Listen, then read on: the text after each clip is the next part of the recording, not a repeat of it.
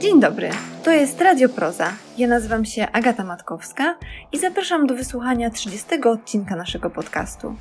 A ten mały, okrągły jubileusz świętujemy dzisiaj w towarzystwie Dionisa Sturisa, który 22 czerwca odwiedził nasz klub Proza ze swoją najnowszą reporterską książką Zachód Słońca na Santorini, ciemniejsza strona Grecji. O Grecję, której nie pokazują nam w folderach turystycznych, ale także o to, kto może być Grekiem i co to właściwie znaczy, Dionisa Sturisa pytał Waldek Mazur z Wrocławskiego Domu Literatury. Miłego słuchania!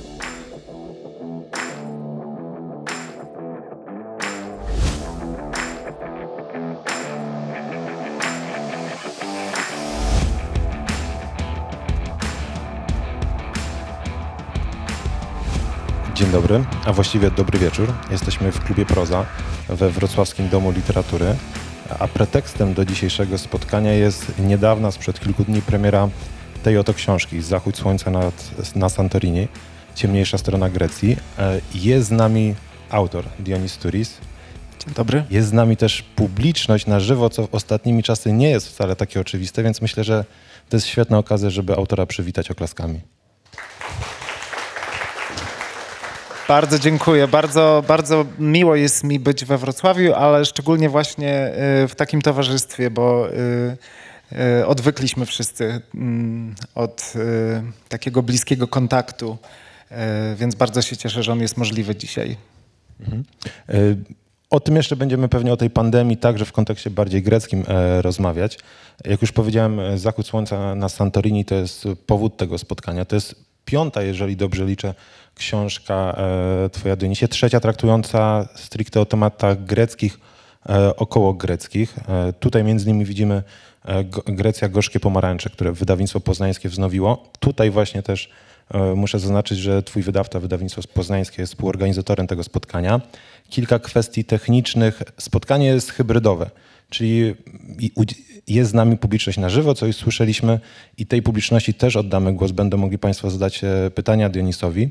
E, Ale także, jeżeli będzie taka wola, będą pytania online. Ja tutaj będę sobie później w drugiej części spotkania zaglądał do telefonu i nie dlatego, że będę się nudził, ale dlatego, że koleżanka będzie mi podsyłała pytania, jeżeli takowe e, nadejdą do nas.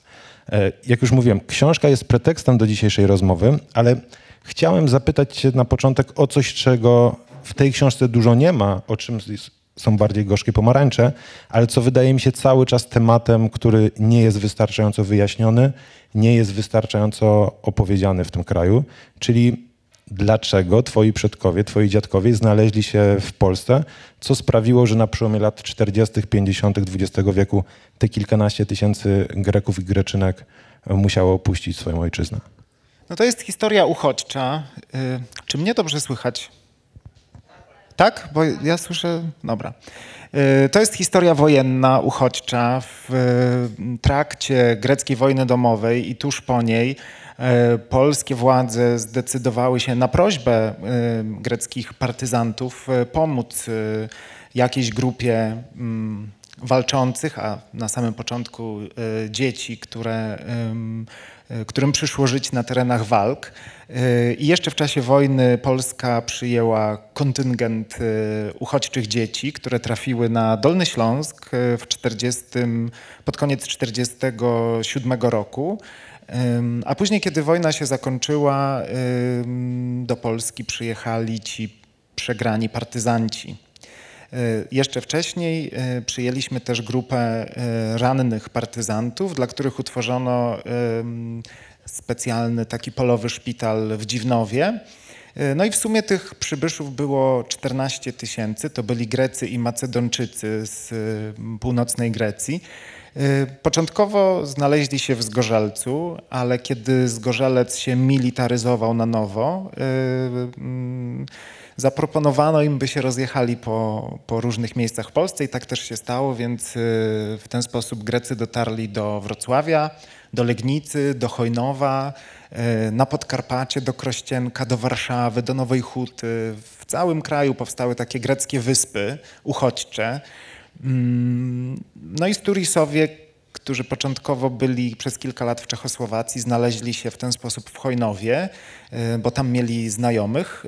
Ym, Trwała też akcja łączenia rodzin, dlatego że ciotka z wujkiem, rodzeństwo mojego brata, y, byli w tym pierwszym kontyngencie dziecięcym i przyjechali do Polski sami, bez rodziców.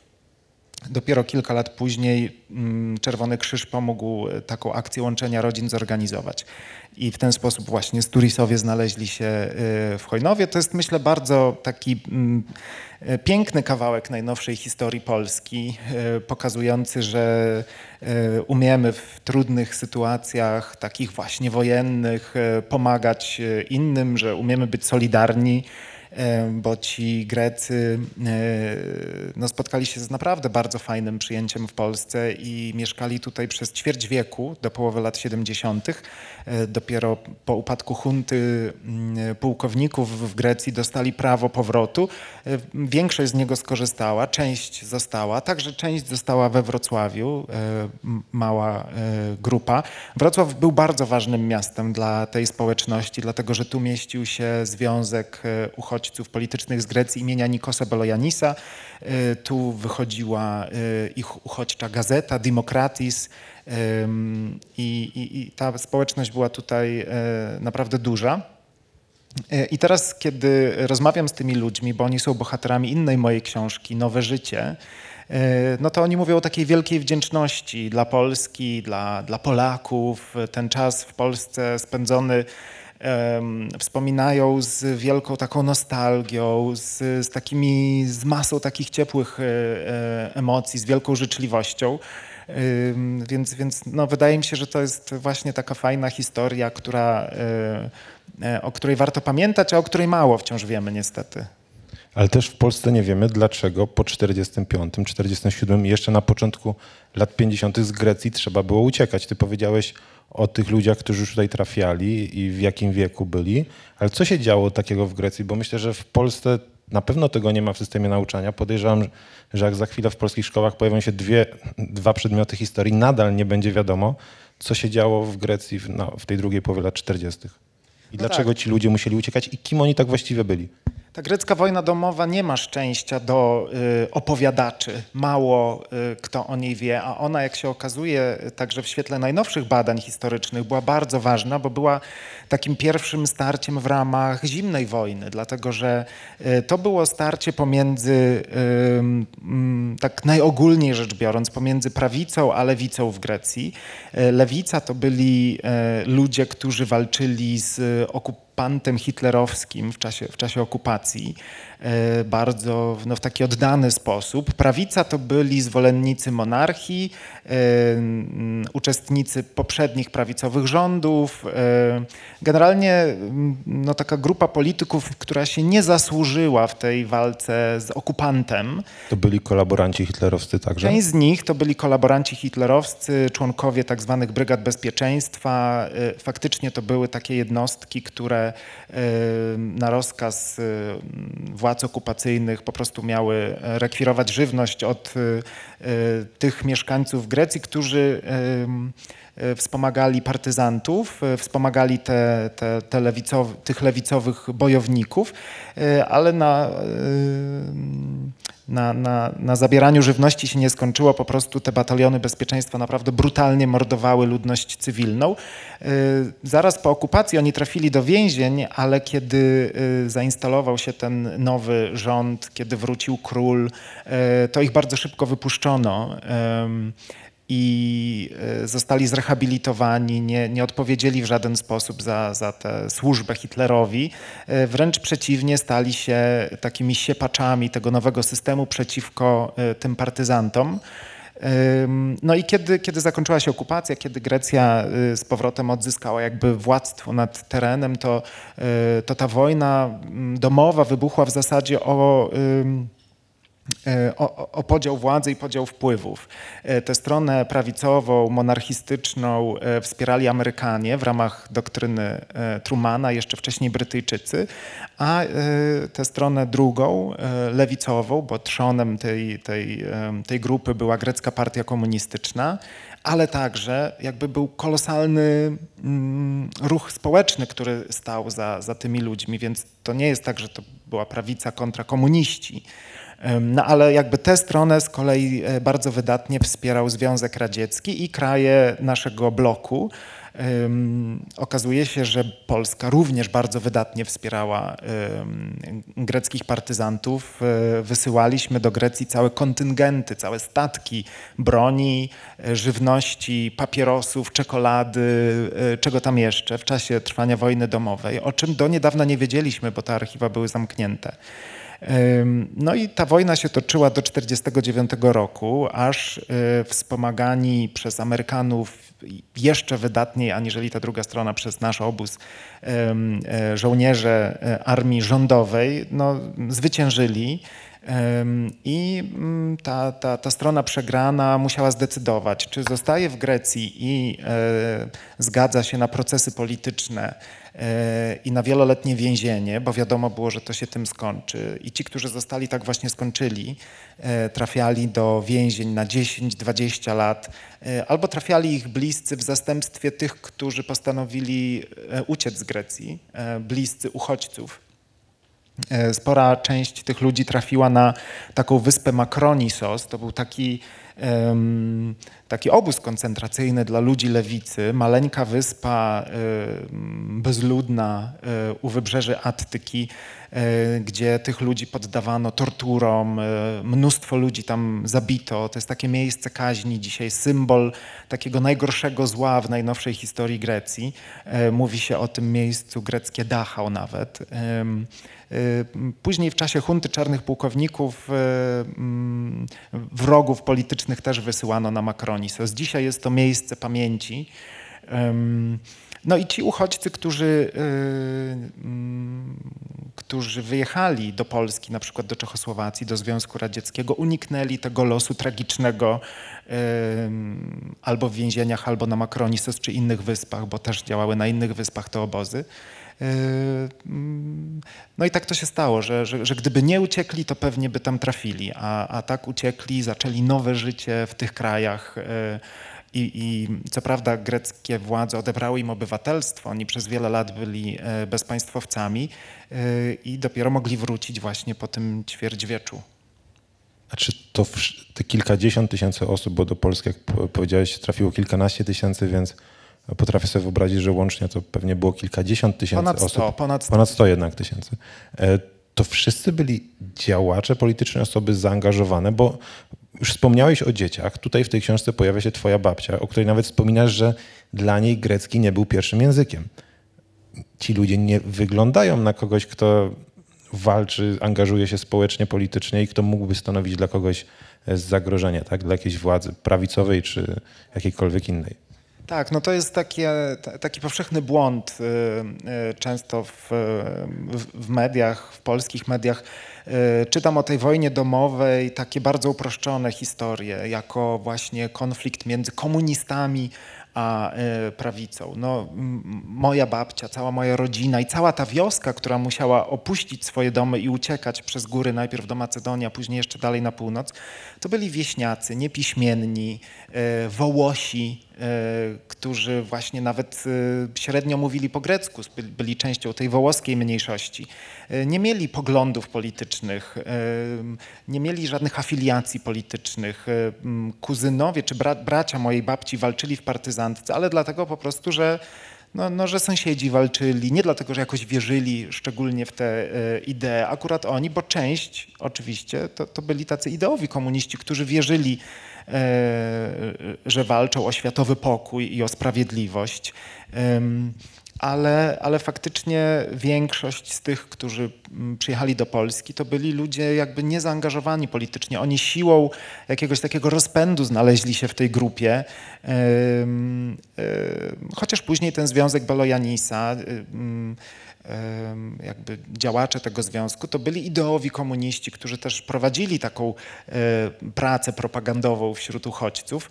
E, no w każdym razie to, to kiedy wracali do Grecji ci ludzie, mo, moi dziadkowie, znaczy moja babcia, moje ciotki, e, głosowali na partię komunistyczną, owszem, ale, ale dlatego, że, że nasłuchali się tych opowieści y, o, o wojnie domowej. Nie dlatego, że od początku byli e, jakoś e, zaangażowani. E, spora część tych uchodźców to byli cywile, po prostu cywile, którzy mieli takie nieszczęście, że przyszło im żyć na terenie walk, a bataliony bezpieczeństwa i, i, inne oddziały greckiej armii rządowej bardzo brutalnie rozprawiały się z ludnością cywilną, która wspierała partyzantów choćby właśnie w ten sposób, że dawała im wodę, dawała im e, jedzenie. E, czasami oni sami jakby zabierali to jedzenie, a już, a mimo to cywile byli oskarżani o pomoc. To już oznaczało pomoc. E, no więc jak w każdej wojnie po prostu to wszystko było dużo bardziej pogmatwane niż nam się teraz wydaje i jakoś e, ci, ci, ludzie po prostu mieli, mieli tego pecha strasznego, mieli te, to, to, nieszczęście, mówię tutaj głównie o północy Grecji, e, że, że przyszło im tam żyć po prostu. Mhm. Czytając Zachód Słońca na Santorini nie mogłem się uwolnić od takich porównań, analogii pewnego rodzaju między Grecją a Polską. Ta mentalność momentami jest podobna. Losy historyczne też można, pewnie jak w wielu krajach, znaleźć takie punkty e, wspólne i takie momenty, gdzie w podobny sposób Grecy myślą o sobie, jak Polacy myślą o sobie. My mamy teraz w naszym kraju taki nawrót, powiedzmy, takich nastrojów e, prawicowych, momentami radykalnie prawicowych, które się odwołują do przeszłości pierwszej połowy XX wieku, e, do tych ruchów faszystowskich z lat 30. chociażby. I tak się zastanawiałem, bo bohaterem zbiorowym Twojej książki E, jest między innymi ta organizacja, w pewnym momencie partia polityczna, jak teraz już wiemy, organizacja przestępcza faszystowska, neofaszystowska, nazistowska, Złoty Świt. Oni odwoływali się do tych tradycji oni odwoływali się do tych e, polityków, działaczy, czasami zbrodniarzy właśnie biorących udział w tej wojnie domowej? Tak, no bardzo fajnie, że zacząłeś od wojny domowej, bo to pozwala nam poprowadzić e, e, cały tok jakby do, do, do teraz, do, do tego złotego świtu. Faktycznie e, i bataliony bezpieczeństwa, a w zasadzie jeszcze wcześniej, tuż przed wojną, tuż przed tą hitlerowską okupacją w, w Grecji władzę przejął dyktator Ioannis Metaxas, który zaprowadził tam takie rządy no, prawie faszystowskie, na wzór faszystowskich Włoch. On dzisiaj przez historię zapamiętany jest y, nieco inaczej, jako ten, który nie zgodził się na, na włączenie Grecji do, do y, walk po stronie, znaczy y, odrzucił ultimatum Włoch i przez to Grecja została najechana, więc on niby wygłosił to słynne ochi. Nie, nie zgadzam się. E, ale wcześniej faktycznie był autorem, no, był dyktatorem e, takim, takim no, faszyzującym bardzo mocno, e, więc jest ta tradycja. Później są te brygady bezpieczeństwa, są bataliony bezpieczeństwa, później jest hunta czarnych pułkowników i teraz jest ten złoty świt. I są nazwiska, które się przewijają we wszystkich tych okresach, te same. Na przykład y, mm, jednym z pułkowników w czasie hunty był Jorgos Papadopoulos, który y, został skazany za ten przewrót i za te rządy dyktatorskie na y, karę śmierci, później zamienioną na dożywocie i w więzieniu. Aha, wcześniej był działaczem batalionów, a w więzieniu poznał się z Nikosem Michaloliakosem, czyli szefem, e, założycielem i szefem Złotego Świtu. E, spędzili razem w więzieniu kilka dobrych tygodni. Z krat Papadopoulos udało mu się założyć taką znów faszyzującą partię i szefem młodzieżówki tej partii uczynił właśnie Michaloliakosa. E, on później z tej partii wyszedł i założył Złoty Świt, ale jakby widzimy ciągłość tej idei i, i, i te same nazwiska. E, tak, to jest, to jest na pewno jakaś, jakiś taki ciąg, jakaś taka tradycja historyczna, ideowa, która e, w Grecji nadal jest obecna, mimo tego, że Złoty Świt e, został skazany i uznany za organizację przestępczą. Michał Jakos znów jest w więzieniu, e, został skazany na 13,5 lat za kratami. No ale, no ale tak, no ta tradycja gdzieś jest nadal żywa na pewno. I powiedz proszę, jak to się stało, że organizacja, gdzie już, gdzie już zaznaczyłeś, e, ma korzenie sięgające tych, by można było stwierdzić, tych ponurych czasów, które gdzieś tam społecznie zostały odrzucone, są napiętnowane. Ta organizacja najpierw zaczyna jako taka bojówka, która ma korzenie w więzieniu, w którymś momencie trafia do parlamentu z kilkunastoprocentowym poparciem społecznym. Jak wygląda ten proces? Jak, do kogo oni trafili? Kim byli ci Grecy, którzy oddawali na nich e, głosy? No to, to, był, e, to była partia taka kanapowa przez wiele, wiele lat, e, która startowała w wyborach, ale zdobywała poniżej 1% głosów. Zupełnie nic nie znaczyła. Uważani byli za takich oszołomów politycznych, a w zasadzie to nikt się nimi nie przejmował. Znowu trochę zalatuje Polską. No, wydawali pisemka, pisemko o tej samej nazwie Złoty Świt, a w Polsce mamy Szczerbca, który myślę, no te artykuły są bardzo podobne. Ale, ale nikt się nimi nie przejmował. Tak sobie, tak sobie pracowali powoli, powoli i czekali na odpowiedni moment. Ten moment przyszedł wtedy, kiedy w Grecji wydarzył się kryzys e, gospodarczy, który uderzył w Grecję naprawdę z siłą e, kilku meteorytów e, i greckie społeczeństwo było ogłuszone, obolałe, cierpiało. Y, naprawdę ludziom świat się zawalił na głowę. Ten kryzys był tak silny, y, podkopał wiarę w państwo, w system polityczny, y, zrodził jakąś taką nienawiść do polityków, którzy do tej pory rządzili.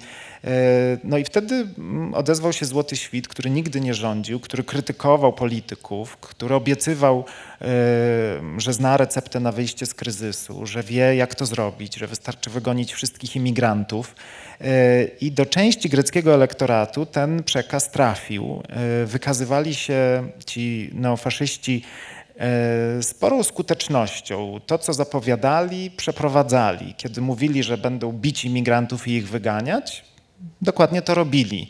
Wsiadali na motory, chwytali za kije baseballowe i pałowali imigrantów w Atenach, w, w Salonikach, w całej Grecji.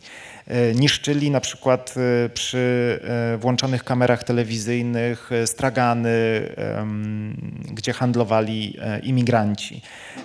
Organizowali zbiórkę żywności dla biednych Greków i z kolejki wypychali imigrantów, wszystkich tych, którzy nie mieli greckiego paszportu czy greckiego dowodu osobistego. I do część, część wyborców to kupiła, tę opowieść, yy, około 7-8%, co się przełożyło yy, w sytuacji takiego rozczarowania tymi innymi yy, partiami i szukania jakiegoś, jakiejś swojej reprezentacji na naprawdę wielki sukces wyborczy, bo aż 18 mandatów w parlamencie, gdzie tych mandatów jest tylko 300, więc nagle stali się trzecią siłą polityczną. Y, więc na pewno ten kryzys ich wywindował. Jakaś część tego elektoratu to byli ci ludzie właśnie, którzy mają nostalgię za e, e, huntą pułkowników, za rządami silnej ręki, taki, takimi twardymi, autorytarnymi.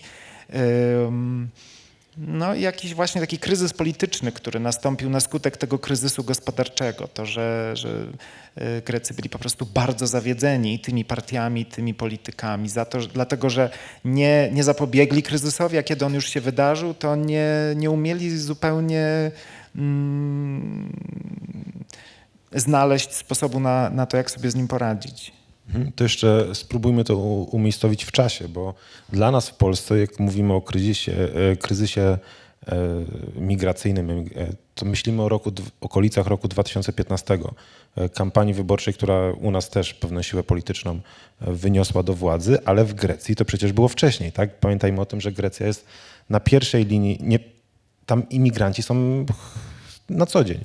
W sensie to jest kraj na granicy Europy i tak. Azji i Afryki. Tak, tak, tak. Od y, dziesięcioleci przypływają y, imigranci i uchodźcy z terenu Turcji na greckie wyspy albo przeprawiają się przez graniczną rzekę Ewros. Kiedyś to byli Kurdowie, Palestyńczycy w latach 90. Y, Bardzo dużo imigrantów do Grecji przyjechało z Polski w latach 80. i 90. Ale ci byli w porządku. Ci byli w porządku, bo byli biali, bo byli chrześcijanami. Bardzo dużo Albańczyków, z którymi Grecy mieli też e, spory problem, do czasu aż pojawili się czarni imigranci. Wtedy kolor skóry Albańczyków e, grał na ich korzyść, chociaż wcześniej też byli traktowani niefajnie często. Więc tych imigrantów naprawdę w Grecji było sporo e, od lat. E, Ja po raz pierwszy pojechałem na to pogranicze grecko-tureckie w 2011 roku. E, I, i, I już wtedy o tym pisałem w Gorzkich Pomarańczach i pisałem różne teksty do gazet, ale nikogo to w Polsce nie interesowało. To nie był zupełnie temat, który by gdzieś chwycił, który kazałby się zastanowić, że oto może e, mamy do czynienia z, e, ze zjawiskiem, które będzie postępowało z czymś ważnym, z czymś e, globalnym. E, Jakby zupełnie mm, nie było odzewu na te moje teksty. E, Dopiero ten 2015 rok e, faktycznie jakby zmienił optykę. Natomiast 2012 rok, e, takie epicentrum kryzysu gospodarczego, e, i mm, wtedy były takie podwójne wybory do greckiego parlamentu i ta kampania wyborcza opierała się głównie na, e, na, na, na imigrantach, na pomysłach różnych partii politycznych, co z tymi imigrantami zrobić, czyli y, poprzedziła to, co się stało w Polsce trzy lata później w kampanii z 2015 roku. Bardzo one były do siebie podobne. Tylko, że w Polsce imigrantów i uchodźców praktycznie nie było. Przynajmniej w Grecji oni byli.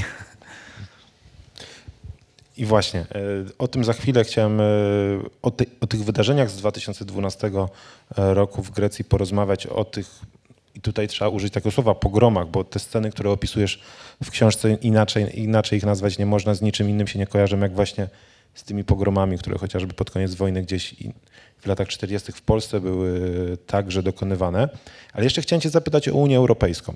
Bo wydaje mi się, że jak sobie próbowałem otworzyć narrację na temat Grecji sprzed tych e, niespełna 10 lat, to my się skupialiśmy na tym, że ci Grecy to pewnie leniwi są, dlatego mają ten kryzys.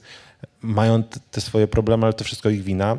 Jakoś tam ignorowaliśmy doniesienia prasowe, że jakieś wyliczenia, że Grecy obok Polaków pracują najwięcej e, godzin w tygodniu czy w miesiącu. I cały czas uważaliśmy, że to jest ich wina, a w tym czasie się kotłowało. Pamiętam jak e, Angela Merkel, inni przywódcy, e, przywódczynie europejski, europejskich krajów groziły Grekom palcem, wymyślali dla Grecji programy, które miały ich ratować. W ogóle nie rozumieliśmy i nie- nie chcieliśmy chyba dostrzegać tego, że w tym kraju właśnie się gotuje, w tym kraju dochodzi już do po prostu linczów na ulicach. Tak, no tak jak e, imigranci byli kozłem ofiarnym e, w Grecji, w greckiej polityce, tak w europejskiej polityce Grecja była tym kozłem ofiarnym. No i faktycznie, szczególnie w Polsce, wydaje mi się, te relacje były bardzo zaburzone. Te relacje z Grecji, takie e, jakieś próby zrozumienia tego, co tam się dzieje, dlatego że polscy dziennikarze nie byli Grecją zainteresowani, nie znali się zupełnie na Grecji. E, Powielaliśmy to, co pisała prasa niemiecka, francuska. A tam na zachodzie właśnie ten, ten taki obowiązujący dyskurs był taki, że Grecja po prostu musi zacisnąć pasa, yy, co jest bardzo dziwnym samo w sobie yy, określeniem, jeśli mówimy o społeczeństwie. yy, Dlatego, że hulała przez lata i właśnie ci leniwi Grecy i oszuści podatkowi i tak dalej. To był bardzo taki no, niepełny, przekłamany obraz, zupełnie jakby odbiegający od jakichś takich faktycznych przyczyn tego kryzysu. E, Może on opisywał w jakiejś części e, te przyczyny, ale na pewno to nie były kluczowe e, przyczyny. I e, Unia Europejska, Bank Światowy i Międzynarodowy Fundusz Walutowy to są potężne organizacje, które mają siłę wpływania na opinię publiczną, na to, co, co my mówimy, co myślimy, na, mają jakby potencjał, żeby wpływać na media, y, jakby promowały właśnie takie myślenie o Grecji. Y, dopiero później same te instytucje po, po, po kilku latach dochodziły do wniosku, że, te, że i ta narracja była błędna, i te lekarstwa, które Grecji przepisywano, zupełnie nie działały, a wręcz kryzys pogłębiały. No więc jakieś takie zaczadzenie dziwne się wtedy zadziało faktycznie w tych latach. Nie, nie, rozumieliśmy, co się dzieje w Grecji i nie chcieliśmy zrozumieć. I szliśmy w zaparte, że to jakby zasłużyli sobie, niech teraz cierpią, niech zacisną pasa, utniemy im emerytury, utniemy im renty, obetniemy im pieniądze na edukację, na, e, na, na zdrowie, na wszystko. No i wtedy jakoś tam uzbieramy tych parę euro, żeby spłacić ich zagraniczne długi.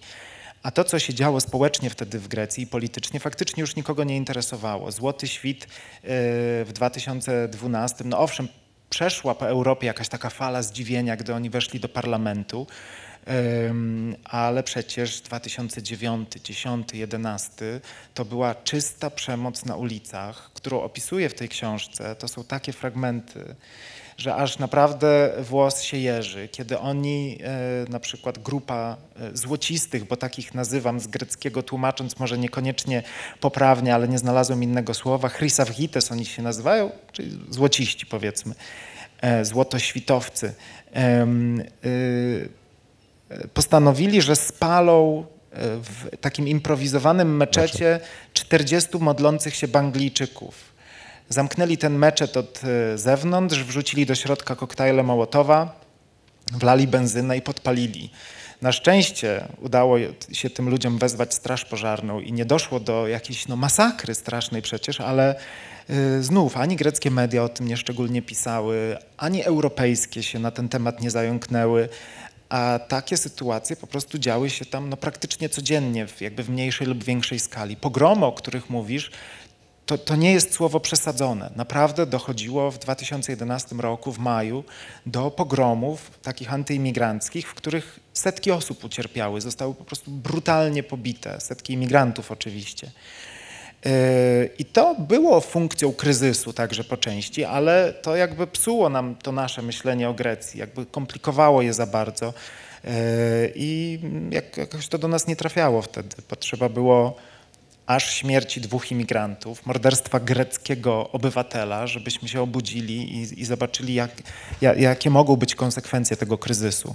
Mhm. Te sceny, które opisujesz, rzeczywiście e, robią wrażenie, chwytają za gardło, ale też e, wokół tych scen, które się rozgrywają, są niejako dwie instytucje, o które chciałem zapytać.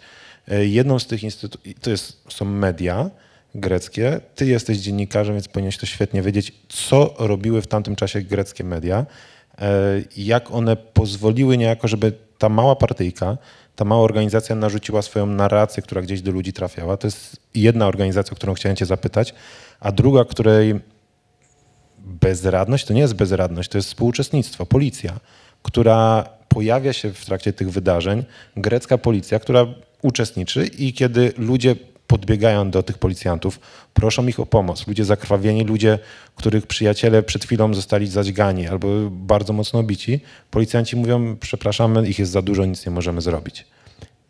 To jest y, efektem, to jest spowodowane tym, że ten złoty świt przedostał się do struktur policyjnych. On tam tak funkcjonował, czy to jakaś blokada mentalna wśród tych policjantów była? Jedno i drugie. Jedno i drugie. W, w, ogóle w, w, greckich takich instytucjach jak wymiar sprawiedliwości, prokuratura, sądownictwo, policja, wojsko, y, ta nostalgia za pułkownikami, za właśnie rządami silnej ręki jest silna.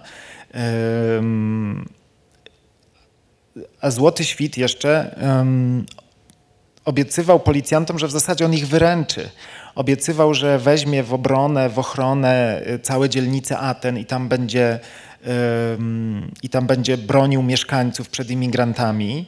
Y, Więc po pierwsze był taki właśnie ten sentyment, który gdzieś tam w instytucji trwa, jakaś taka pamięć, która, m, pamięć czy emocja, która spływa na, na przedstawicieli tej instytucji. Z drugiej strony mm, niewydolność, jakby policjantom też y, wielokrotnie ucięto pensje, też, też jakby ten kryzys ich bardzo mocno dotyczył. Więc do jakiejś części ta retoryka Złotego Świtu trafiała.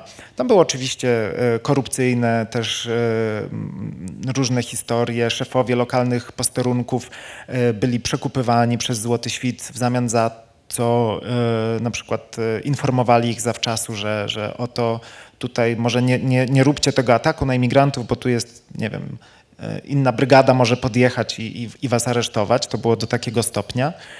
E, I to, to, to było widać w wyborach tych 2012 roku, kiedy okazało się, że policjanci głosowali dużo, dużo chętniej niż ogół społeczeństwa. E, Złoty Świt zdobył około tam 7,8% chyba głosów, a e, policjanci głosowali, no tak około 20% policjantów popierało, poparło w wyborach Złoty Świt. Natomiast media e, Bo wiesz, mi to trochę przypomina sytuację w Polsce, tak ogólnikami że pojadę, ale na przykład taka dziennikarka TVN-u, która e, lubi przeprowadzać wywiady z kropką na D i ona swego czasu z, ubóstwiała zapraszać do swojego programu Janusza Korwin-Mikkego. E, I, a on opowiadał o Hitlerze, opowiadał, że nie było Holokaustu, a później wow, zaskoczenie, ten facet jest w Parlamencie Europejskim.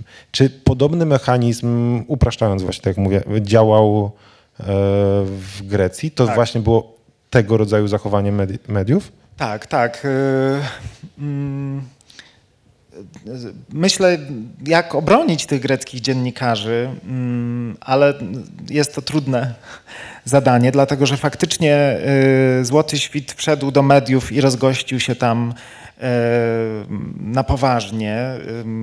Panowie zdejmowali dresy, y, bluzy z kapturem, ubierali garnitury i już wyglądali jak rasowi politycy mainstreamowi. Dziennikarze ich zapraszali, pytali ich o wszystko, o budżet, o sposób na wyjście z kryzysu, ale nie pytali ich o te nocne pogromy, o, to, o, o podpalenie tego e, meczetu. Coś takiego się dziwnego wydarzyło, że, że dziennikarze pomogli e, Złotemu Świtowi wejść do mainstreamu, e, z drugiej strony zrobili z nich celebrytów i nagle otrzymywaliśmy w greckich mediach relacje ze ślubu niektórych złocistych, a komuś tam się urodziło dziecko, no i był chrzest i też widzieliśmy relacje. E, Córka Michal Oliakosa Urania, która prowadziła e, taką nienawistną audycję radiową e, co tydzień, która jest po prostu zakochana w swoim ojcu, dumna. Ona nie trafiła do więzienia, ale w takim filmie dokumentalnym norweskiego dziennikarza mówi, że po- podziela poglądy ojca i jest dumna z tego wszystkiego, co on zrobił. I e, greckie gazety kolorowe, telewizje interesowały się jej nową fryzurą, jej dietą. To dostawaliśmy, czy to grecka opinia dostawała codziennie w tamtych czasach, y, a nie dostawała takiego krytycznego przekazu. E, Było kilka redakcji, które myślę, z- m, które zachowały się jakoś odpowiedzialniej, ale to było dosłownie kilka redakcji. Większość dziennikarzy, e, mm, no nie powiem cywilizowała, no ale może cywilizowała, cywilizowała tych e, nazistów. e, e, Nawet wtedy, kiedy oni jakby zrzucali maski na antenie, na żywo. Jest, w tej książce opisuje scenę, kiedy rzecznik Nowego Świtu, e, e, Złotego Świtu, Ilias Kazidiaris, e, w czasie programu na żywo, telewizyjnego, takiego powiedzmy śniadania mistrzów, chlusnął wodą w twarz posłance innej partii, a siedząca obok niego posłanka partii komunistycznej e, wstała i tak kartkami papieru go pacnęła, mówiąc nie rób tego, nie rób tego. I on ją wtedy spoliczkował kilka razy na wizji. E, oczywiście wtedy dziennikarz prowadzący, wielce zaskoczony, krzyczy ochi, ochi, ochi, nie. No i tam go zamknęli w garderobie, on wyważył drzwi i uciekł, dzwoniąc do do swojego przełożonego, do szefa partii. E, później się okazało, że to było ukartowane, choć wyglądało na takie bardzo spontaniczne. E, było ukartowane, bo Michal Oliakos, szef Złotego Świtu, podziwiał wcześniej rosyjskich nacjonalistów, którzy robili dokładnie to samo w telewizji. No i proszę sobie wyobrazić, że Kazidiaris y, mm, nie został skazany za ten czyn, proces został umorzony, a on już tydzień później znów był zapraszany do mediów. Y, I wydaje mi się, że w Polsce miewamy podobne historie. Do, ale do mam nadzieję, że na, tym się zakończy. Proszę? Do rękoczynów na antenie jeszcze nie doszło. Jeszcze nie, jeszcze nie. I oby nie doszło nigdy. E, to, bo książka dzieli się jakby, to są Książkę można podzielić na dwie opowieści. Jedna to jest twoja prywatna opowieść, a druga to jest właśnie ten reportaż o Grecji, o rodzącym się greckim faszyzmie, neofaszyzmie i tym, jak w którymś momencie e, kraj, państwo próbuje sobie e, z nim poradzić. To powiedz mi jeszcze, co takiego musiało się... Dlaczego akurat e, Pawlos Fasis, tak? Fisas, przepraszam. E, co w, dlaczego akurat on był tym takim zapalnikiem. To była ta jedna śmierć za daleko, ten jeden lincz dokonany na ulicach, na oczach wtedy dziesiątek osób. E, on okazał się tym, który był tym zapalnikiem e, wywracającym wszystko i wywracającym tę układankę Złotego Świtu. E, na potrzeby tego spotkania pozwolisz, że tutaj zapolemizuję z tobą na początku, dlatego że wydaje mi się, że jakby mm, w tej takiej drugiej linii narracyjnej w tej książce Złoty Świt jest tylko jednym z tematów, e, jedną z historii, którą opisuję. E, jest jeszcze kilka, które e, one, one, wszystkie mają taki wspólny mianownik. To są opowieści o tożsamości, o tożsamości Greków, o greckości, o tym, jak się ją konstruuje. I oczywiście Złoty Świt nie jest tutaj przypadkowy, bo i nieprzypadkowo został zabity też Pawlos Fisas, e, bo chodziło właśnie o to rozumienie greckości, o to, czym jest, e, e, czy imigrant może być Grekiem, czy może zostać Grekiem, czy Pawlos Fisas jest wystarczająco grecki.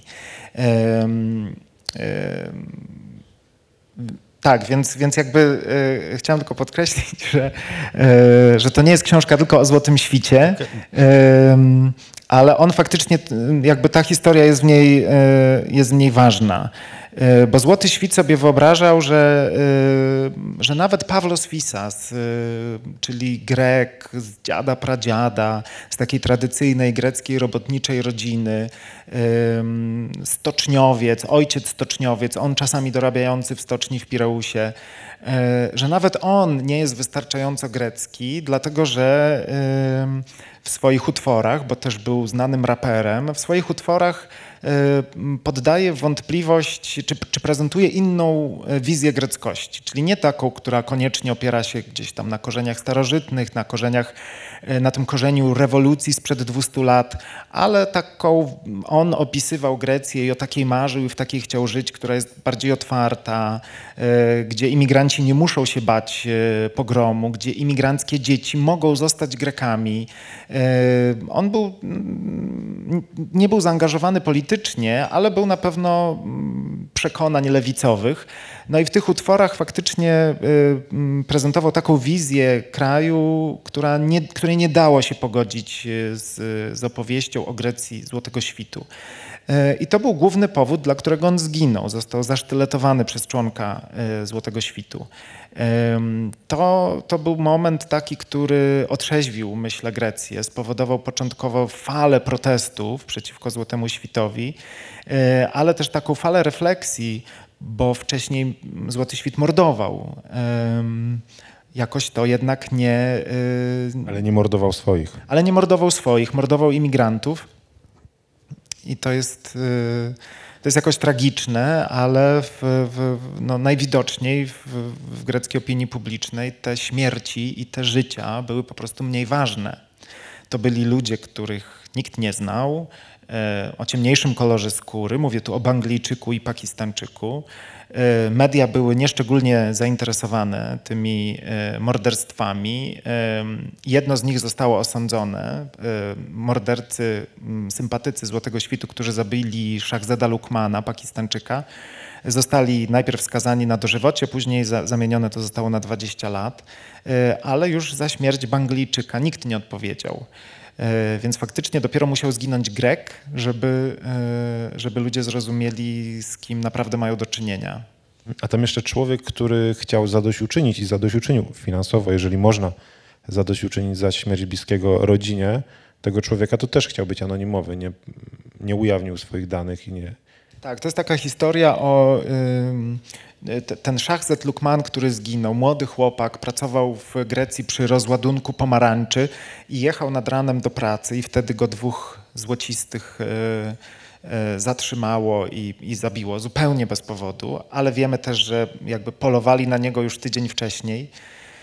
E, a on był w Grecji od kilku lat, wysyłał swoim biednym rodzicom w Pakistanie 20 euro miesięcznie. Ta historia gdzieś tam e, się przedostała później do mediów i faktycznie do, do szefa Związku Pakistańczyków w Grecji zadzwonił anonimowy mężczyzna z Salonik, który no, jakiś taki piękny gest wykonał, bo poprosił o kontakt z rodzicami zabitego Lukmana i, i, i, wysłał im taką sumę pieniędzy, że mogli za to otworzyć sklep w Pakistanie i z tego sklepu teraz żyją, skoro już nie ma tych regularnych przelewów na 20 y, euro.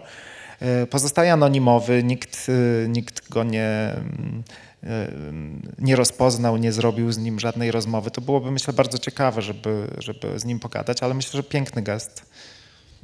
Mhm.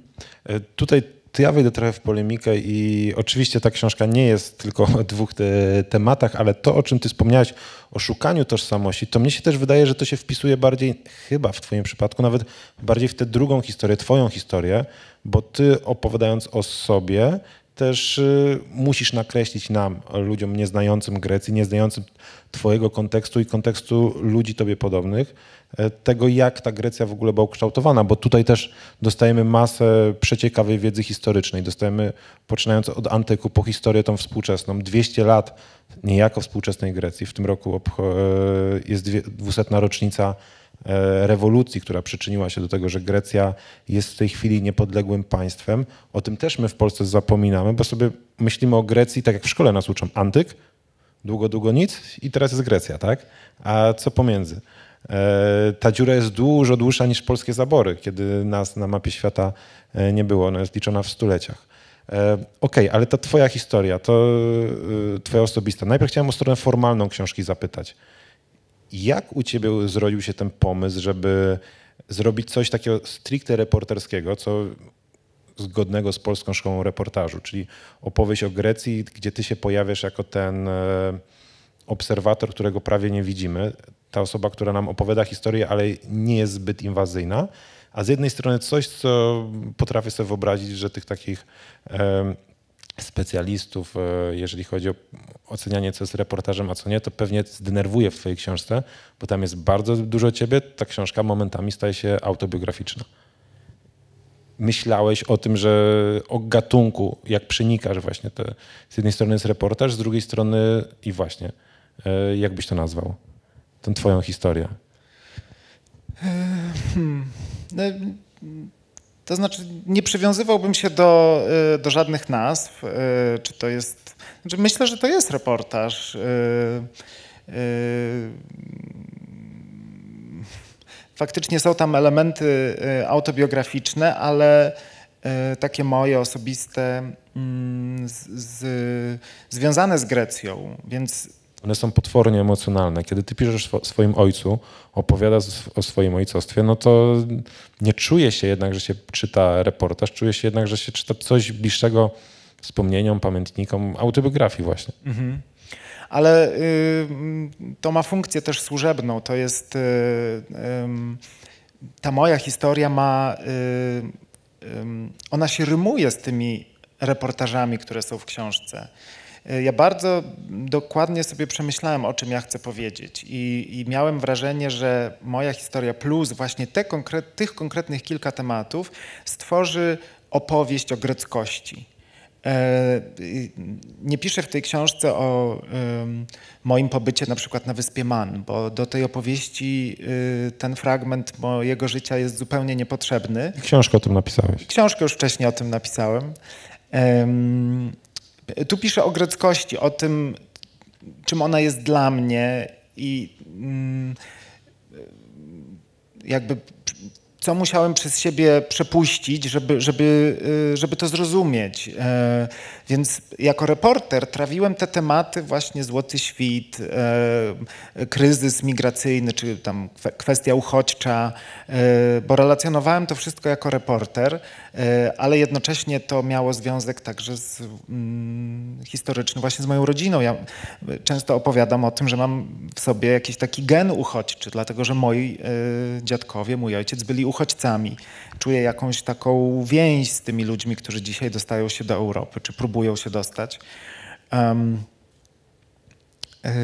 ta gatunkowość. No więc y, nigdy jakoś nie byłem super strażnikiem tego, żeby te gatunki były takie bardzo czyste i się nie przenikały. Wydaje mi się, że y, wszystkie hybrydy, miksy są zawsze ciekawsze aniżeli jakaś taka czysta forma. Wcześniejsze dwie książki, które napisałem z Ewą Winnicką, to były takie klasyczne, czyste formy reporterskie, gdzie nas w ogóle nie było, bo nie byliśmy w tych historiach potrzebni. Ale żeby opowiedzieć o greckości i o Grecji współczesnej, czułem, że, że, że fajnym kluczem będzie opowiedzenie też o, y, o tym z mojej perspektywy. No bo y, bo dlaczego nie? Jakby jeśli znajdą się krytycy, chętnie o tym z nimi porozmawiam. Yy, ale no, no, właśnie, może ten brak przywiązania do takiej formy, do, do gatunku yy, jakoś mi to umożliwił. Mhm. E, wspomniałeś o tym, że tutaj jest książka, opowieść o tym, jak być Grekiem, kto może zostać Grekiem. E, mam dwa pytania. Pierwsze, czy czarny może zostać Grekiem? E, teoretycznie. To się może. pojawia w Twojej książce. Mamy tu drugiego rapera. E, który posługuje się literacką pewnie, e, w literacki sposób językiem greckim, ma wszystko, co by można, czego można było oczekiwać od e, takiego dumnego Greka, który jest przedstawiany jako przykład e, artysty, e, przykład osoby wykształconej, przykład osoby znającej historię e, swojej ojczyzny, no ale ma ten problem, że ma taki, a nie inny kolor skóry.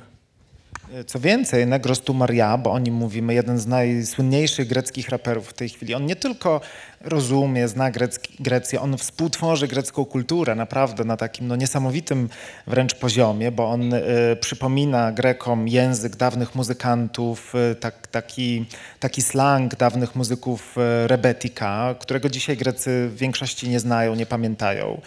E, tworzy muzykę, która naprawdę fenomenalnie opowiada o współczesnej Grecji. E, no i sam z siebie jest takim przykładem właśnie, czy dowodem na to, że, że że, że można być, że, że, Grekiem nareszcie można zostać, że nie trzeba się Grekiem urodzić. E, ta jego historia też jest celowo wpleciona w tę książkę, dlatego że nasze życiorysy są jakoś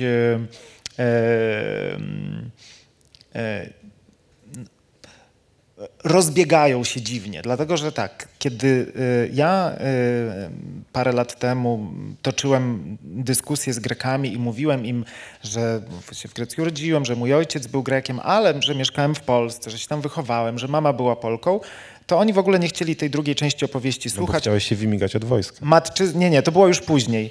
Matczyzna jakby w ogóle była nieważna. Ojczyzna, ojciec, rodzinna wioska ojca, to im wystarczało, żeby zaklasyfikować mnie jako Greka, włączyć mnie e, do greckości. A kiedy Negros tu Moria e, mówi im przepiękną e, greczyzną.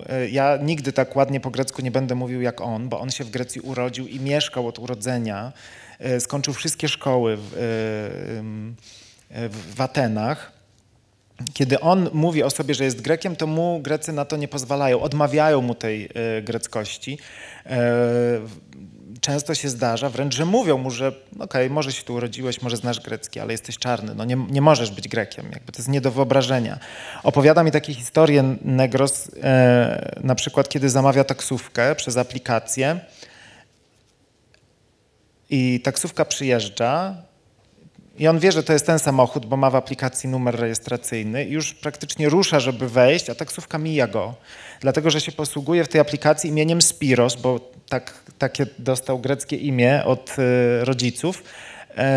No a taksówkarz y, nie, nie wyobraża sobie, że może istnieć czarny Spiros, więc szuka tego tam gdzieś na ulicy innego Spirosa, prawdziwego. E, No i wreszcie ten go przywołuje i później mm, taksówkarz go oczywiście przeprasza, ale on mówi, no już jedź człowieku. I- Ile razy go to spotkało? Ile razy Grecy wołali na niego Olisadebe, bo myśleli, że jest po prostu e, czarnoskórym piłkarzem grającym w którymś z greckich e, klubów. Olisadebe był jednym z takich e, piłkarzy grających w Grecji Panathinaikosie. w Panathinaikosie. No i mówi mi Negros, ci durnie nawet nie wiedzą, że Olisa Debe jest Polakiem. Bo przecież faktycznie on dostał polskie obywatelstwo, zanim pojechał do Grecji. E, Więc to jest no, e, e, niesamowita historia jego. Moja, jego i jeszcze bracia Antetokumbo to są z kolei koszykarze czarnoskórzy. Negrosa rodzice pochodzili z Gany, rodzice bracia Antetokumbo z Nigerii. Bardzo podobne życiorysy. Ci bracia też się urodzili w Atenach, jakąś gehennę przeszli dorastając, bo to była bardzo biedna rodzina. Jak Państwo jeździliście na wakacje, nie wiem, 10 lat temu do Grecji, to być może oni próbowali Wam sprzedać okulary, czy płyty z muzyką, czy DVD. W ten sposób pomagali rodzicom, tacy uliczni plażo, plażowiczowi handlarze. No ale później się okazało, że mają super talent do koszykówki. Jeden z Jeden nich, z nich ma. E, Dwóch, bo ten drugi gra w e, hiszpańskiej lidze też bardzo dobrej, no co? Znaczy jego dwaj bracia grają w NBA, jeden gra z nim w Milwaukee, drugi w Los Angeles Lakers, tylko dlatego, że Janis jest Janisem. No dobra, ale ten Janis to jest jeden z. e, Ten Janis jest no super graczem, takim naprawdę jednym z najlepszych teraz. Ale kiedy właśnie NBA zaproponowało mu e, możliwość grania u nich, to e, okazało się, że on nie ma greckiego obywatelstwa, nie ma paszportu i nie może wylecieć. E, I dopiero e, grecki premier mu ten, e, e, to obywatelstwo nadał takim wielkopańskim gestem. E, Ten sam premier, który chwilę wcześniej zablokował prawo dające taką możliwość ubiegania się o obywatelstwo wszystkim jakby imigranckim dzieciom. Antetokumbo, ponieważ odniósł niebywały sukces, uważany jest dzisiaj za Greka przez jakby większość greckiego społeczeństwa. E, Jeden z moich bohaterów e, mówi mi, że pewnie nie jedna matka chciałaby mieć go za zięcia. A Negros, który osiągnął na razie dużo mniejszy sukces, e, chociaż jest popularnym raperem, mówi, że on to nigdy nie będzie miał greckiej żony, chociaż by bardzo chciał. I opowiada mi taką historię, kiedy matka jednej z jego dziewczyny mówi: nie, nie, nie, możecie się bawić teraz, ale moja żona wyjdzie za prawdziwego Greka. Za prawdziwego, czyli za białego. Więc odpowiadając na Twoje pytanie, no może i nie może być czarny Grek. Ty odnośnie Janisa, to tak kumpo, wiem, że ty lubisz podcasty. E, Z kolei amerykański dziennikarz polskiego pochodzenia Adrian Wojnarowski e, wypuścił serię w ramach podcastów ESPN, trzy podcasty odcinkowe przedstawiające historię Janisa. Między innymi to, że to był chłopak, który po pierwsze przymierał głodem. E, W trakcie, był, trenował koszykówkę, lekarze pomyśleli, że on jest alkoholikiem, ponieważ miał zniszczoną wątrobę od tego, że głodował. Z kolei e, w barze obok jego domów e, nie wpuszczano go jako dzieciaka. On tam wrócił jako osoba dorosła i ten barman, który go wyrzucał, bo był czarny, miał jego, jego zdjęcie i się chrzcił, że tutaj to jest ta knajpa, do której Janis Antetokounmpo odwiedzał. To jest świetne podcasty, trzyodcinkowe, pewnie godzina łącznie słuchania e, polecam, ale to jest Okej, y, tematy sportowe na boku. Jest jakaś pretensja w głosie y, jednego właśnie z twoich bohaterów, y, rapera ciemnoskórego, właśnie pod adresem Antetokounmpo. Y, Inni imigranci greccy zazdroszczą mu, bo ja myślałem, że on w pewien sposób, że będzie kimś takim, który im pokaże, zobaczcie, jak się jednak postara, jak postarasz się, to się uda. Tu się... Tak to, tak to odczytałeś, że, że to jest Trochę tak. wobec Jest rozczarowanie i on jest tym wyjątkiem, który potwierdza regułę. Ja, te, ja tego tak nie odebrałem rozmawiając z Negrosem Tumoria, bo też zahaczyliśmy o Antetokounmpo, ale nie, mm, jakoś no, inaczej, inaczej to odebrałem. Ja myślę, że jest bardzo duża pretensja i taki żal i taki smutek ze względu na zachowania innych Greków po prostu. I Negros, y, y, którego przydomek też świadczy o jego niesamowitej jakby znajomości historii Grecji, bo to jest przydomek, który on sobie wymyślił, y, ponieważ jego ulubionym takim superbohaterem w greckiej historii jest y, Kolokotronis, który walczył w czasach rewolucji i miał taki przydomek Jeros tu Moria, czyli starzec z Mori, a on zmienił Jerosa na Czarnucha, ale po prostu to był jego... jego ulubiony bohater. On wie więcej o nim niż, niż, niż większość Greków. I, i, I na koniec naszej rozmowy on mówi, że, że on kocha Grecję, ale nieszczególnie lubi Greków, że Grecy go zawsze rozczarowują. Czy tam jest jakaś zazdrość? Znaczy, nie wiem, nie, ja, ja tego tak nie odczytałem. Wiesz, wydaje mi się, że yy, bracia Antetokumbo też starają się nie być takim mm, takim pokazowym przykładem tego, że, że, że można, bo w Grecji jest trudno się przebić, e, trudno jest osiągnąć taki sukces jak oni, więc oni też podejmują różne takie fajne aktywności, fundują stypendia, e, angażują e, dzieciaków do, do, do zdrowego trybu życia, do sportu, wracają na tę swoją dzielnicę, Sepolia, która w, do ich sukcesu niczym się nie wyróżniała. Teraz jak się spyta Atenczyka o Sepolię, to od razu powie bracia de Tocumbo, jest tam jeden mural, drugi mural, e, a wcześniej to była sobie taka nudna imigrancka dzielnica. No. Mhm. E, Zanim zapytam o ojcowiznę, o której tutaj wspominałeś i która jest bardzo ważnym e, elementem opowieści składającej się na tę książkę, to korzystając z Państwa obecności chciałem zapytać, czy są pytania do Dionisa? Okej, to na razie nie ma, może ktoś się z, czasem ośmieli. E, ojcowizna. E, Gdyby, załóżmy, odwróćmy sytuację, że to nie twój tata przyjeżdża, e, tra, jego dziecko trafia do Polski, ale twoja mama.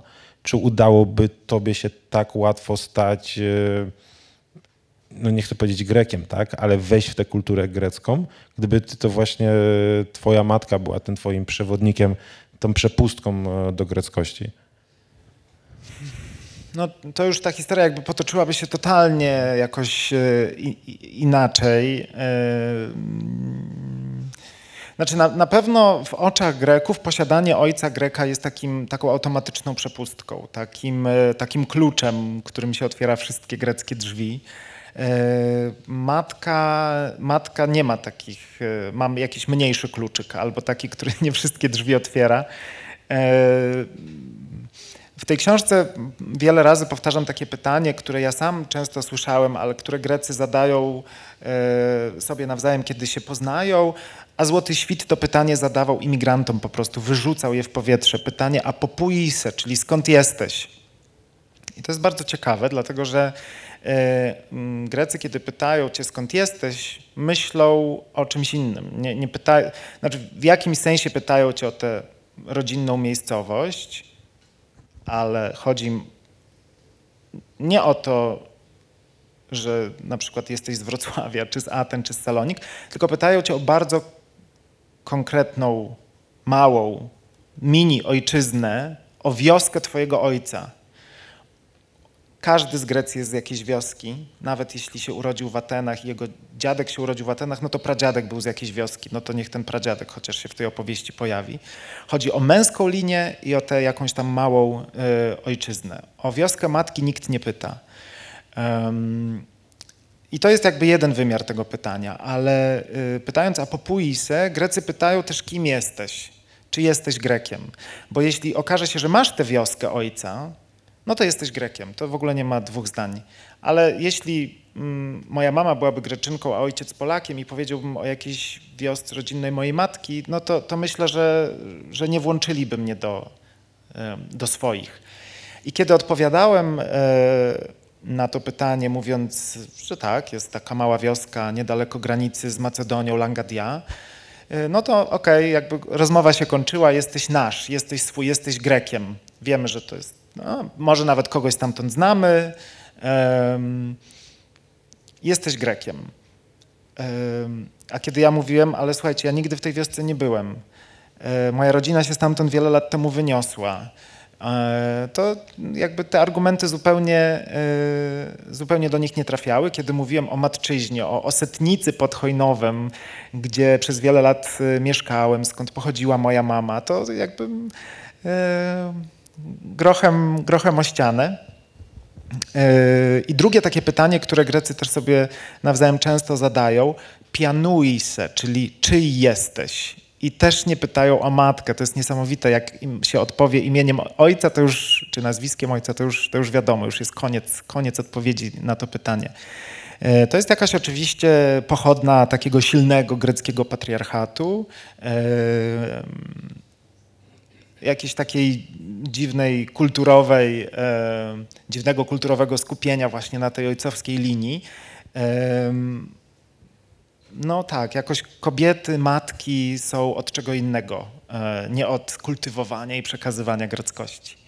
A jak tłumaczysz y, chyba będące, chyba obecne w greckiej kulturze otaczanie mężczyzn opieką, chronienie ich nawet wtedy, tutaj posłużę się przykładem twojego ojca, który nawalił tak bardzo, jak można było nawalić, jeżeli chodzi o twoje sprawy administracyjne. Bo przypomnijmy, tutaj w tej książce, w innych książkach też wspominasz, ty urodziłeś się w Grecji, w Salonikach, ale jako małe dziecko przy, przyjechałeś z mamą do Polski.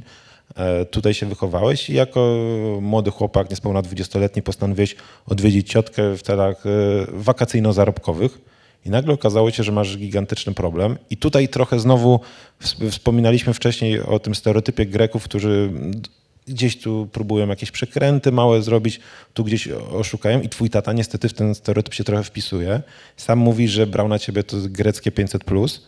E, I ty w systemie greckim cały czas funkcjonowałeś jako osoba, która tam jest, funkcjonuje, więc dlaczego miałbyś nie iść do wojska? I mimo wszystko, że wpędzono w cię w niesamowite problemy, e, że twoją mamę, twoja mama musiała tutaj e, zdalnie niejako ogarniać całą masę biurokracji, to kiedy doszło do tego niesamowitego spotkania, nie doszło do spotkania, ale znalazło się ze swoim ojcem w jednym domu, i nagle te kobiety, twoja rodzina i rodzina twojego ojca, one dbały o to, żeby on się czuł komfortowo, żeby się nie zdenerwował.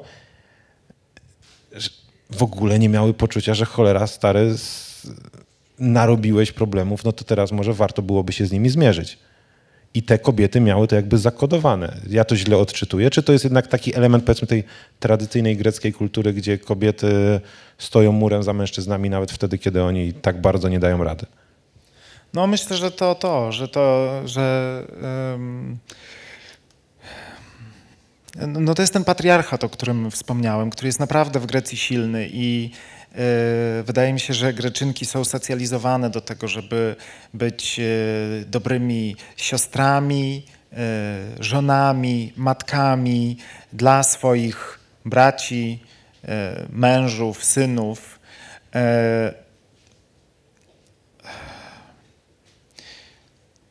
To oczywiście nie jest y, grecka tylko przypadłość, bo, bo my, myślę, że w jakimś y, stopniu i w Polsce mamy y, podobne zjawisko.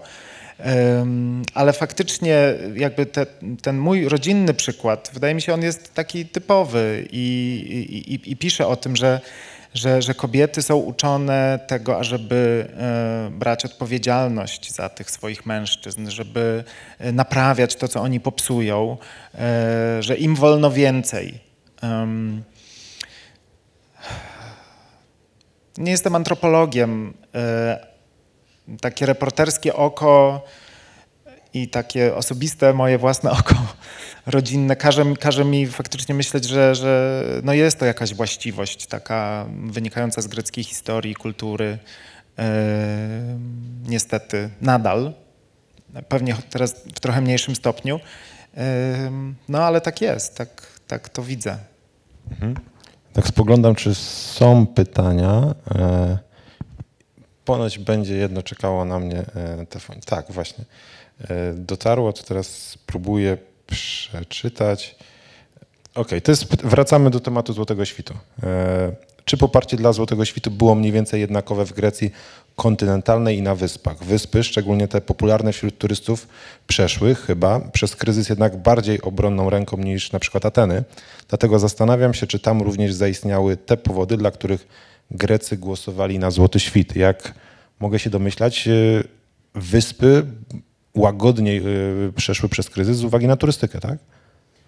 Y, Tak, tak. No i y, wyspiarze mają y, zwykle kawałek pola, czy, jakiegoś, mm, czy jakiś ogródek przy domu i to naprawdę czasami były takie historie, że, że pomidory przydomowe czy ziemniaki ratowały ludziom życie, bo bieda była naprawdę spora.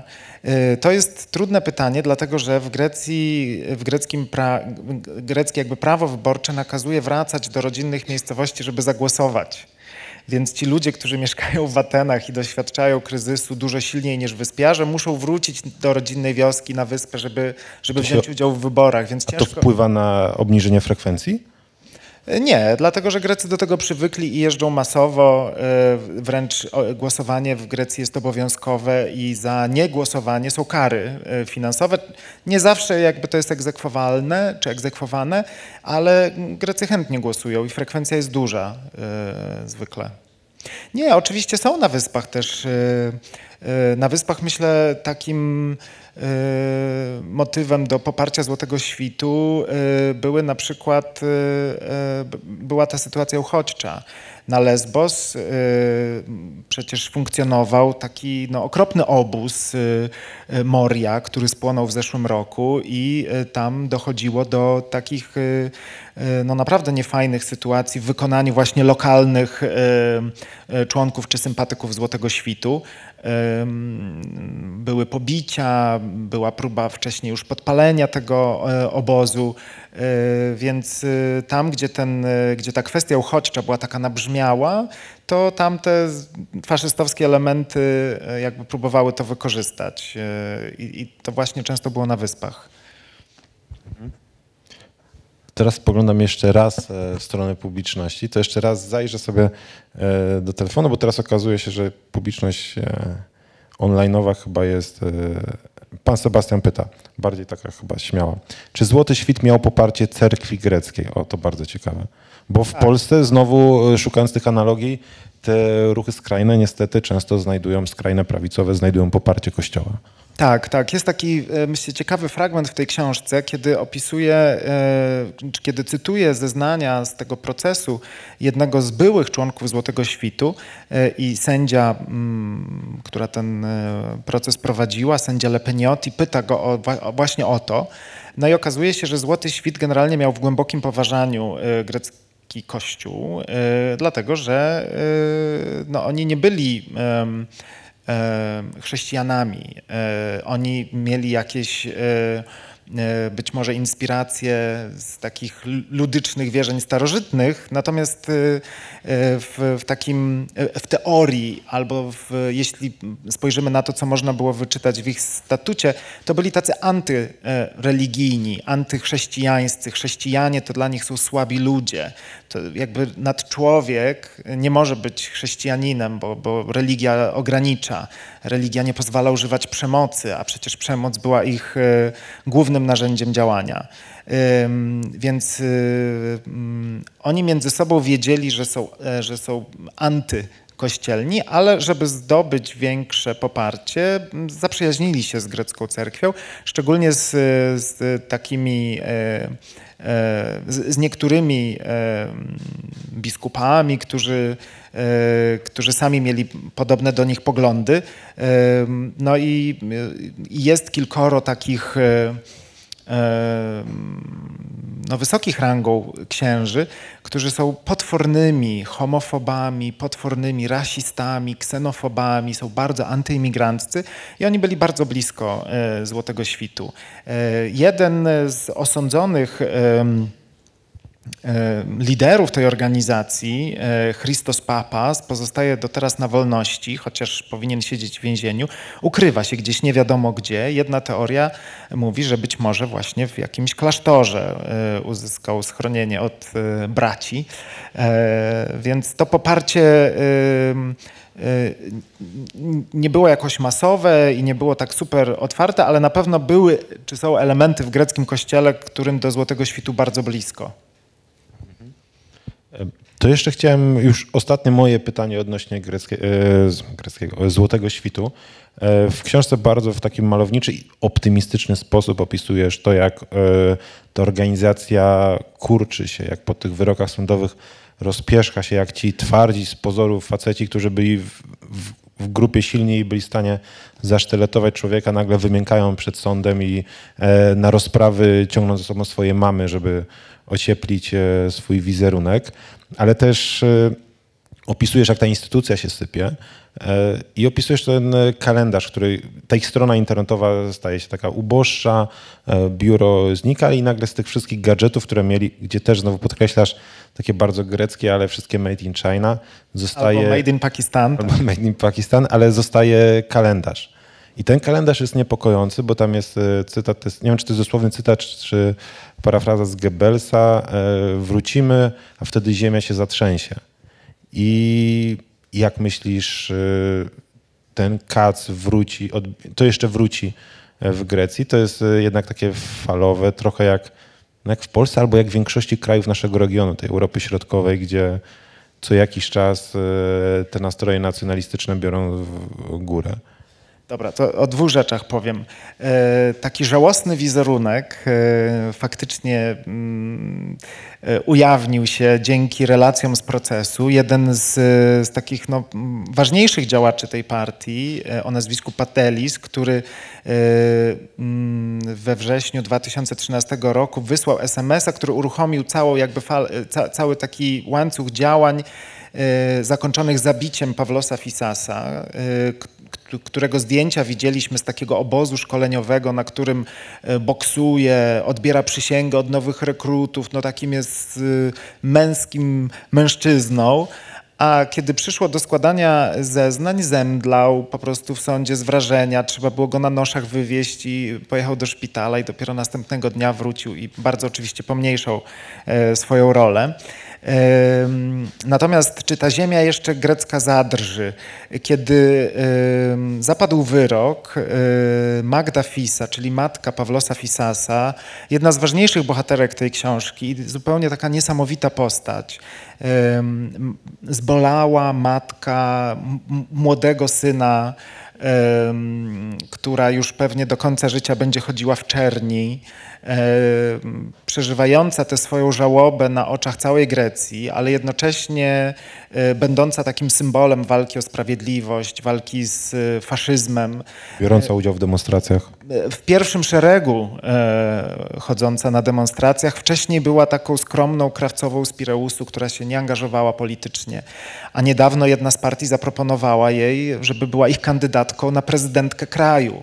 Oczywiście odmówiła, bo dla niej najważniejsze było doprowadzenie do końca tego procesu.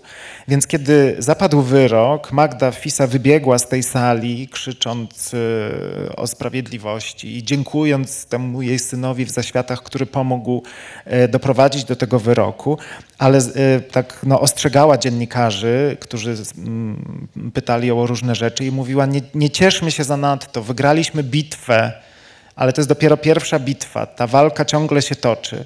I oczywiście miała na myśli to, że yy, owszem, teraz członkowie Złotego Świtu są w więzieniu, ale za chwilę być może ruszy proces apelacyjny, więc nie wiadomo, yy, jaka będzie decyzja yy, sądu apelacyjnego. Być może te wyroki zostaną y, zmniejszone, więc za parę lat no, w, w, a jeśli nie, no to za 10-13 lat oni wyjdą z więzienia i czy, czy będą mieli jeszcze jakąś przyszłość polityczną, trudno w tej chwili powiedzieć. E, pewnie jakaś część greckiego elektoratu nadal e, ma te prawi, skrajnie prawicowe, radykalne sympatie i pewnie będzie szukała teraz gdzieś e, następców Złotego Świtu. Wszyscy moi rozmówcy w tej książce podkreślają, że no jakby dla Złotego Świtu nie ma już miejsca, dla takiej organizacji, która będzie się tak jawnie odwoływała do nazizmu i która będzie się tak jawnie i bezkarnie posługiwała przemocą, że na to już y, nie pozwolą ani greccy wyborcy, którzy ostatecznie odwrócili się od Złotego Świtu i w 2019 roku zdecydowali, że ta partia nie przekroczy nawet progu wyborczego. E, ale nie pozwolą na to także greckie instytucje, które nagle okazały się jednak wydolne, bo to, że ten proces został doprowadzony do końca, tak potężny proces pod każdym względem, i to, że znaleziono jakiś taki wytrych, bo grecka konstytucja zakazuje delegalizacji partii politycznych, ale znaleziono paragraf w kodeksie karnym. Więc okazuje się, że są jakieś takie, e, że, że Grecja jest zaszczepiona e, przeciwko e, faszyzmowi i że ta szczepionka już raz zadziałała i miejmy nadzieję, że jeśli by się ten wirus gdzieś odnowił za parę lat, to, to ona znów zadziała. Ale ryzyko, ryzyko na pewno nadal jest, tak. Ten kalendarz wyszedł jeszcze przed wyrokiem. Oni mogli, oni mogli cytować Goebbelsa, bo, bo y, może chcieli sobie dodać trochę animuszu y, i swoim wyborcom. Y, do końca nie wierzyli, że zostaną skazani, do końca nie wierzyli, że trafią za kraty. Y, no więc y, okazało się, że się mylili, na szczęście. Tak spoglądam tutaj na salę. E, rąk w górze nie widzę. To jedno na koniec takie bardzo poważne pytanie. E, dlaczego chcesz być drugim Robertem Mokowiczem?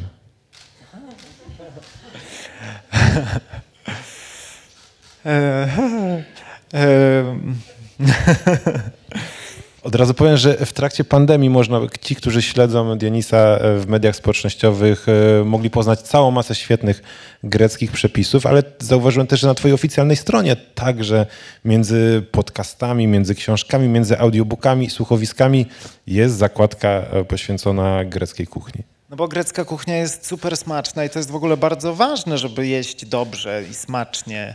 E, I namawiam Państwa, żebyście jedli po grecku, bo i nie mówię tutaj tylko o greckim jedzeniu, ale też kulturze jedzenia, bo myślę, że to jest fajne. E, No i e, podtytuł tej książki to jest ciemniejsza strona Grecji, a dla mnie grecka kuchnia to jest ta jaśniejsza strona Grecji, która jest dla mnie też super ważna, więc ja gotuję po grecku i nawet e, też napisałem taką książkę, która niedługo się ukaże e, z greckimi przepisami kuchni wegetariańskiej.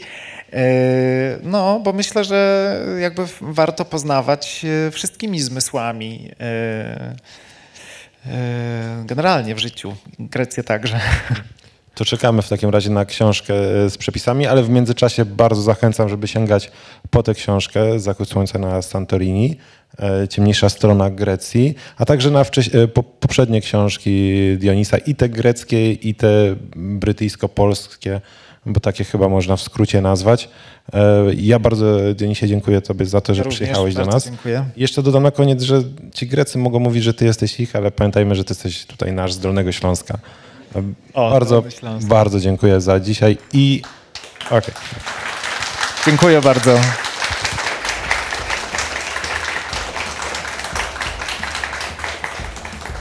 Jeszcze na koniec kwestia techniczna. Ci z Państwa, którzy chcą otrzymać e, podpis Dionisa na książce, e, to zorganizujemy podpisywanie na dole w przejściu w ogródku. e, pamiętajmy, że mamy cały czas pandemię. Super, tak, tak. Bardzo dziękuję Waldek Tobie i dziękuję Państwu serdecznie.